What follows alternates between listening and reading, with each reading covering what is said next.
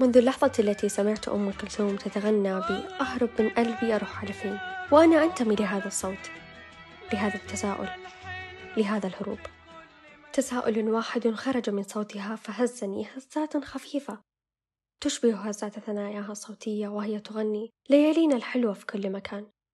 فأستشف الحنين في صوتها وأعود به لذكريات وأعيش عليها أو أهرب منها للخيال.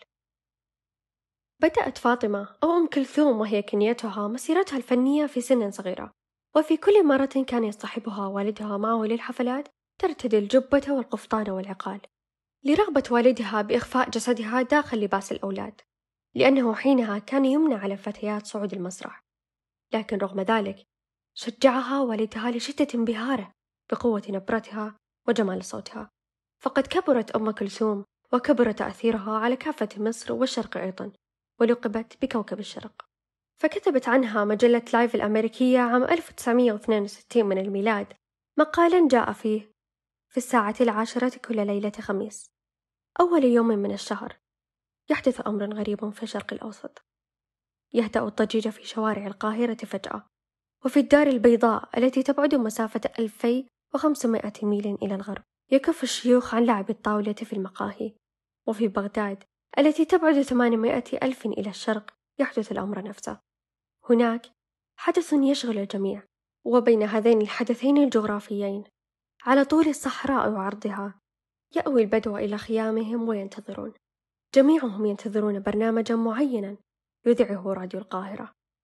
مدة البرنامج خمس ساعات لثمان مرات في السنة فقط ونجمته مطربة اسمها أم كلثوم.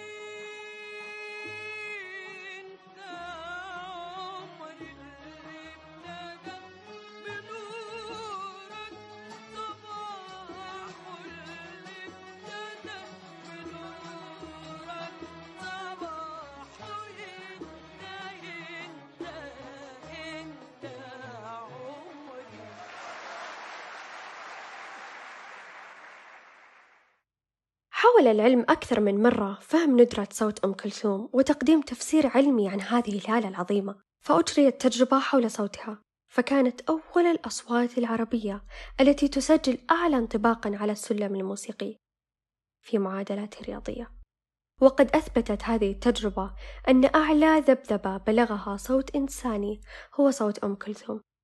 عندما وصل إلى ثلاث ألاف وتسعمائة وست وستون ونصف ذبذبة. في الثانية الواحدة وبشكل علمي التردد هو عدد الذبذبات الكاملة التي تقطعها المادة خلال ثانية واحدة لكن السؤال هو كيف نسمع للأصوات أو للموسيقى؟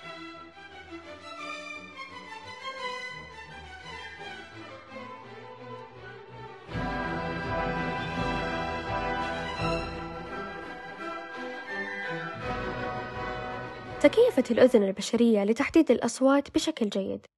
فوجودها يساعدنا كبشر على تحديد الاتجاه اللي يصدر منه الصوت. فقبل ما نستمع للموسيقى كانت الموسيقى مجرد هواء. تبدأ العملية خلال الجزء الخارجي من الأذن المعروف باسم الصيوان اللي بدوره يجمع الصوت وينقله داخل قناة الأذن. وفي نهاية قناة الأذن قطعة رقيقة جدا من الغشاء تعرف باسم طبلة الأذن. تتسبب موجات الصوت في اهتزاز طبلة الأذن بالإضافة إلى أنه في الجانب الآخر من طبلة الأذن يوجد ثلاث عظيمات صغيرة جدا. يتم ترتيب هذه العظام بطريقة تضخم الاهتزازات وترسلها إلى القوقعة اللي راح تكون مليئة بالسوائل. اللي بدورها بتحول الاهتزازات من طاقة ميكانيكية إلى طاقة كهرومغناطيسية. ومن الأمثلة على الموجات الكهرومغناطيسية الموجات الضوئية اللي تجينا من الشمس إلى الأرض بدون أي وسط ناقل لها على خلاف الموجات الميكانيكية اللي تكون غير قادرة على نقل طاقتها من خلال الفراغ. واللي تحتاج وسط حامل للموجة مثل الموجات الصوتية. بس كيف تختلف استجابتنا للموسيقى عن باقي الأصوات الأخرى؟ تعرف الموسيقى على أنها صوت متآلف وتخلق أحد أهم الجوانب الموسيقية. وهو الإيقاع لكن هل تستجيب الحيوانات للإيقاع الموسيقي مثل الإنسان؟ أو إن صحت العبارة هل تنطرب الحيوانات مثلنا؟ الموضوع معقد شوي لأن الشعور بالإيقاع يتطلب وصلات أقوى بين أجزاء المخ وهذا شيء نادر في دماغ الحيوانات لكن واحد من الأمور الصادمة لما انتشر مقطع للببغاء سنوبول وكيف وقتها قدر يجاري الإيقاع الموسيقي فبدأوا بإجراء تجربة عليه وغيروا مستوى الإيقاع والعجيب في الأمر أن في كل مرة قدر يجاريه لكن الإيقاع ما هو الجزء الوحيد المرتبط بالموسيقى. في أيضا جزء آخر مرتبط فيها يعرف بالتردد واللي له ارتباط طردي مع حدة الصوت. مثل لما نسمع هذا العزف فيعني أن حدة الصوت عالية. أو لما نسمع هذا العزف فتكون في حدة الصوت منخفضة. لذا عندما نعزف مزيج من الأوتار المختلفة في الوقت نفسه فإننا نطور خاصية أخرى وهي التناغم أو التناسق الموسيقي. الموجة الصوتية لها شكل فني عند انتقالها طوليا وهو اللي يعطيها خصائصها الفيزيائية يعطيها انسيابية في التنقل بين جزيئات المادة. فهي تتكون من قمم وقيعان واللي تشكل لنا موجات تختلف في طولها وعرضها وكل اختلاف يشكل لي خاصية من الخصائص الفيزيائية للموجة. وأيضا من الخصائص المهمة هي السعة اللي ترتبط بشكل طردي مع الطاقة وبكذا كل ما كان صوتنا أعلى كل ما احتجنا طاقة أكثر لتوليد الموجة الصوتية. وبشكل علمي نقدر نقول أن السعة ما هي إلا قياس لدرجة التغير في الضغط الجوي اللي تسببه الموجة الصوتية. فمثلا العازف على آلة الساكسفون الموسيقية يقدر يزيد من سعة الصوت بمجرد زيادة قوة نفخة في عمود الهواء.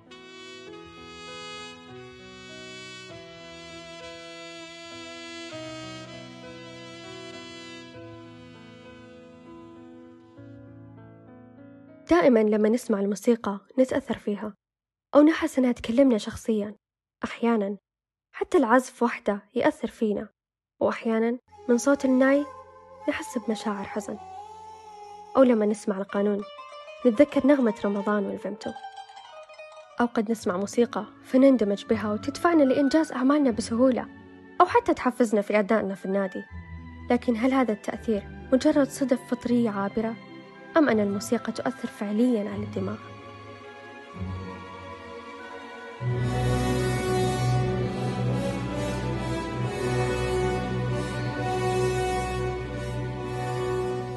كيف يكون لاختصاص السمع والتخاطب دور في العلاج بالموسيقى؟ من أكثر الأشياء اللي ممكن تصدم فئة كبيرة منا هو قدرة الموسيقى على استرجاع الأشياء المفقودة وكيف أنها ممكن تكون مفيدة في علاج إصابات الجانب الأيسر من الدماغ اللي يتحكم باللغة وقدرتنا على الكلام وهالشيء يتحقق من خلال تدريب الجانب الآخر من المخ. بسبب الموسيقى الشخص اللي ما يقدر يرتب كلمتين على بعض راح يفاجئك بقدرته على غناء مقطع كامل بكل طلاقة وسلاسة وبالإضافة إلى كون الموسيقى تتصل بالحركة. فواحدة من مميزات الموسيقى الخارقة هي قدرتها على مساعدة المصابين باضطرابات عصبية تأثر على الحركة كمرض باركنسونز على وجه المثال. فمنذ الأزل ومنذ استوطن الإنسان هذه الأرض والموسيقى ترافقه. فكانت شاهدة على قيام حضارات وسقوط أخرى على رائحة الحياة وعلى رائحة الموت على السلام وعلى الحرب. كانت الموسيقى أساس الحضارات فقد تبنتها الشعوب على مدار السنين تدبلجها بما يوافق أسلوب معيشتها وتاريخها. فقد كانت حضارة بلاد ما بين الرافدين يرون العزف على الآلات الموسيقية عملا يؤجر عليه صاحبه وعرفوا الموسيقى كعلامة للسلام. وفي الصين القديمة كانت الموسيقى مهمة لدرجة أنهم أنشأوا مكتبا خاصا بأمور الموسيقى. فهم من أوائل الشعوب التي كتبت النوتات وطريقة العزف على الأوراق والجلود وعظام الحيوانات. بالإضافة إلى العديد من الحضارات والشعوب التي مثلت الموسيقى كجزء من هويتها. لكن السؤال كيف يكون للنوتة الموسيقية علاقة بالفيزياء؟ تعرف النوتة الموسيقية بعدد التذبذبات التي تنتجها الموجة الصوتية في الثانية الواحدة. فتختلف هذه التذبذبات والترددات في كل مفتاح من مفاتيح البيانو. فيعد هذا الفرق بين النوتات الموسيقية المختلفة اللي ينتج عنها صوت مختلف لكل مفتاح. تعد حضارة بلاد ما بين الرافدين والصين القديمة والحضارة المصرية المنبع الأول وأول الحضارات التي ساهمت في وضع أسس الموسيقى لتتبعها المدرسة الفيثاغورية وتعتمد الموسيقى والشعر كأسلوب شعائري لترقية النفس. الفيثاغورية هي مدرسة فلسفية تعتمد على تعاليم درجات الحكمة الأربع: الحساب، الهندسة، الموسيقى والفلك. تحكي روايات أن تفعيل إجرائية العدد في تفسير العالم جاءت نتيجة سماع فيثاغورس ذات يوم ضربات المطرقة على قطعة الحديد. فأثار انتباهه ذلك التناسب ما بين درجة الصوت وثقل المطرقة مما يسمح بضبطه رياضيا. وهو الأمر نفسه الذي أعاد تجربته مع حبال الآلات الصوتية. فاستنتج ذلك التناغم والتناسب ما بين طول الوتر والنغمة الصادرة عنه. وقد أدرك الفيثاغوريون وقتها قدرة الحساب الرياضي على ضبط ظاهرة الصوت الموسيقي بدقة. وهو الأمر الذي دفعهم إلى الإيمان بأن أي ظاهرة وجودية أخرى لن يستعصي تفسيرها على قوة العدد. وتكون هذه حلقة الوصل الأولى ما بين علم الفيزياء والرياضيات. من عرضة أهل نجد للدحى الشمالية ومن مزمار الحجاز للخطوة الجنوبية وسامري أهل الشرقية. نتراقص في احتفالاتنا على نغمات من مختلف الآلات. العود الدف الربابة. وغيرها الكثير. لكن كيف باختلاف الآلات تختلف النغمة المسموعة؟ وكيف كل نغمة بصوتها المميز وسرعة إيقاعها ممكن تعبر عن مشاعر مختلفة؟ هدوء غضب سعادة أو حزن؟ والسؤال الأهم إيش علاقة الموسيقى بالفيزياء؟ لما يندق وتر العود راح يهتز ويسبب اهتزاز جزيئات الهواء المحيطة فيه واللي راح تعمل كوسط ينقل الاهتزازات من مكان لآخر. في حالتنا هنا من وتر العود لإذن المستمع. ولأنها تعتبر موجة طولية فراح تدفع الجزيئات كل واحدة الأخرى باتجاه موازي لاتجاه اهتزازات الوتر وتكون باندفاعها مناطق تخلخل ومناطق انضغاط نسميهم بالموجة الصوتية أو اللي تعرف بظاهرة نقل الطاقة لأنها تنقل الطاقة معها مرة واحدة بمشوارها لإذن المستمع. بتستمر الموجة بحركتها لما توصل للإذن وتكمل مشوارها بداخلها. ومن الجدير بالذكر أن مجال قدرتنا كبشر على الاستماع يتراوح ما بين عشرين إلى عشرين ألف هرتز. نفس المبدأ ينطبق لما نتكلم أو نغني حيطلع مقدار معين من الهواء من خلال الرئة مرورا بالحنجرة للثنايا الصوتية فبتهتز وتكمل الاهتزازات مشوارها. واللسان بعد حيساعدنا بنطق الكلمات الخارجة منه بس بعمرك تساءلت ليه الأصوات تتغير لما نسحب الهيليوم؟ بالرغم من أنها نفس الثنايا الصوتية هنا يكمن الفيزياء. الصوت في الحالة الطبيعية ينتقل من الهواء بسرعة 340 متر في الثانية لكن في حالة غاز الهيليوم اللي يعتبر أخف بثلاث مرات من الغاز الطبيعي تتحرك جزيئاته بشكل أسرع وبالتالي الموجة بتنتقل بشكل أسرع وبيطلع لنا صوت مثل صوت بطوط وأيضا من الخصائص اللي تحدد لنا سرعة الصوت هي كثافة الوسط الناقل للموجة الصوتية. ولو كنت تقرأ بالتاريخ بتلاقي أن من طرق اكتشاف جيوش العدو أنهم كانوا يسمعون من الأرض. والمبدأ الفيزيائي هنا يكمن في أن كل ما كانت كثافة المادة أكبر كان انتقال الصوت فيها أسرع وأقوى هل حواسنا مرتبطة ببعض؟ وهل فقداننا لحاسة راح يكون سبب في قوة حاسة أخرى؟ وهل الحركة والتنقل بين الأماكن ترتبط بالذاكرة والحفظ فقط؟ أستاذ محمد سعد مهندس صوت وموزع موسيقي حضرت له روم في كلوب هاوس حكى لنا فيها كيف يتعامل المكفوفين مع الأماكن وكيفية اعتمادهم على الصوت لمعرفة الأبعاد. أهلا وسهلا. بالنسبة للغرف والأماكن اللي نتحرك فيها كثير مكفوفين ويمكن أنا كنت منهم لفترة من الفترات. نعتقد أنه حركتنا في المكان معتمدة على الحفظ فقط ونعتقد أنه إحساسنا بالمحيطات اللي بالأشياء اللي حولنا بالحواجز هو شيء يمتلكه كل الناس وهذا غلط. المكفوفين عندهم شيء يمكن مو موجود عند غيرهم هم يعني أنفسهم ما يعرفون أنه مش موجود عند المبصرين مثلا. إحنا نتعرف على المحيط غير الحفظ في شيء إضافي اللي هو من خلال شيء يسمونه بالإنجليزي ال echolocation. ال echolocation هذا وأنا قاعد أتكلم الآن معاكم قاعد أحس بتوزع الصوت حولي تماما حولي في كل مكان. لما يكون جنبي على اليمين مثلا جدار وقدامي جدار يعني أنا واقف على زاوية مقابل زاوية تقريبا آه راح أحس بالصوت يتوزع شمال وخلفي تماما. يعني في الخلف والشمال راح أحس بالصوت يتوزع بس يميني وقدامي حيوقف لأنه في حواجز يميني وقدامي. قيسوا على ذلك كل شيء ثاني. يعني لما نتحرك مثلا في ممر نمشي فيه ممر ممر طويل بعدين صار في منعطف خلاص وإحنا قاعدين نتحرك. أصوات الجزم الله يكرمكم اللي إحنا لابسينها تعطينا انعكاس الأصوات. آه، طول ما أنا ماشي بهذا الممر قاعد أحس بالصوت قدامي ووراي بس لأنه ممر فيميني ويساري في حواجز. أول ما يصير في مثلا منعطف لليمين أبدأ أحس كمان الصوت قاعد يتوزع يمين قاعد يروح يمين فأعرف إنه في منعطف وألف. آه يمكن اللي منكم يعرف كثير مكفوفين أو قد شاف مكفوفين. حيلاحظ إنه مجرد ما يدخل مكان جديد عليه يسوي أو أحيانا يفتعل أي صوت يصفق أو يعني يفتعل أي صوت عشان يعرف ابعاد المكان. خاصة إذا المكان هذا فيه فرش فصعب إنه يطلع صوت مسموع بشكل كويس اللي يوصل له الارتداد المحيط حوله. دائما أقول إنه الحواس عند المكفوفين تصير أقوى. فهذه المثال السابق اللي تكلمت عنه واحدة من الأشياء اللي يمكن تثبت آه، هالنظرية.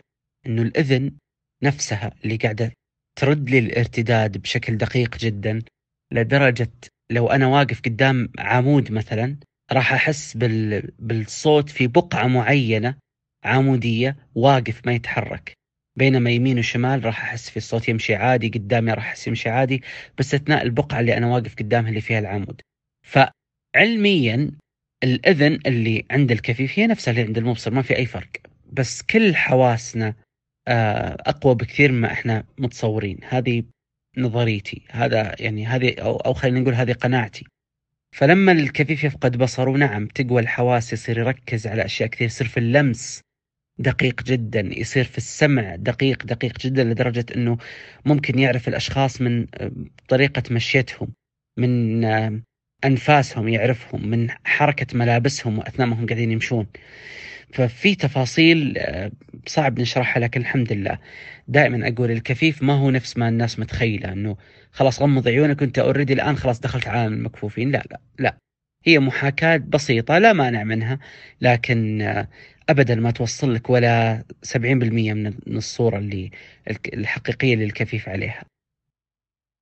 كتبت طالبة الدكتوراه أغاتا من جامعة أوسلو بحث كان مضمونه أن بعض أنواع الموسيقى لها تأثير قوي على الحركة البشرية التلقائية العفوية وأنه يكاد من المستحيل ألا يتحرك البشر عند الاستماع للموسيقى الإيقاعية حتى عند محاولة الوقوف بثبات قدر المستطاع. لكن الاستجابة للموسيقى تختلف من شخص لآخر. أغاتا فحصت مجموعة واسعة من المتغيرات وكان التعاطف هو المتغير الأكثر أهمية. قالت إذا اعتبرنا الموسيقى نوعا من الإشارات التي يصدرها البشر فمن المنطقي أن يتفاعل الأشخاص المتعاطفون أقوى.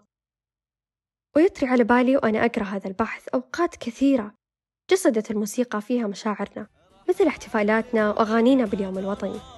وكيف أنها تمثل جزء كبير منا وتعزز شعورنا بالوطنية والانتماء. أو مثلا لما نادي الهلال ربح دوري أبطال آسيا. بدأت أغاني الهلال تصدح في كل أرجاء الرياض. كان ببالي هذا التساؤل طول اليوم. هو ليه الأغاني ضاعفت عندنا شعور الفوز؟ وكيف لها وقع ومشاعر مختلفة تماما عن لما نسمع أغاني العيد؟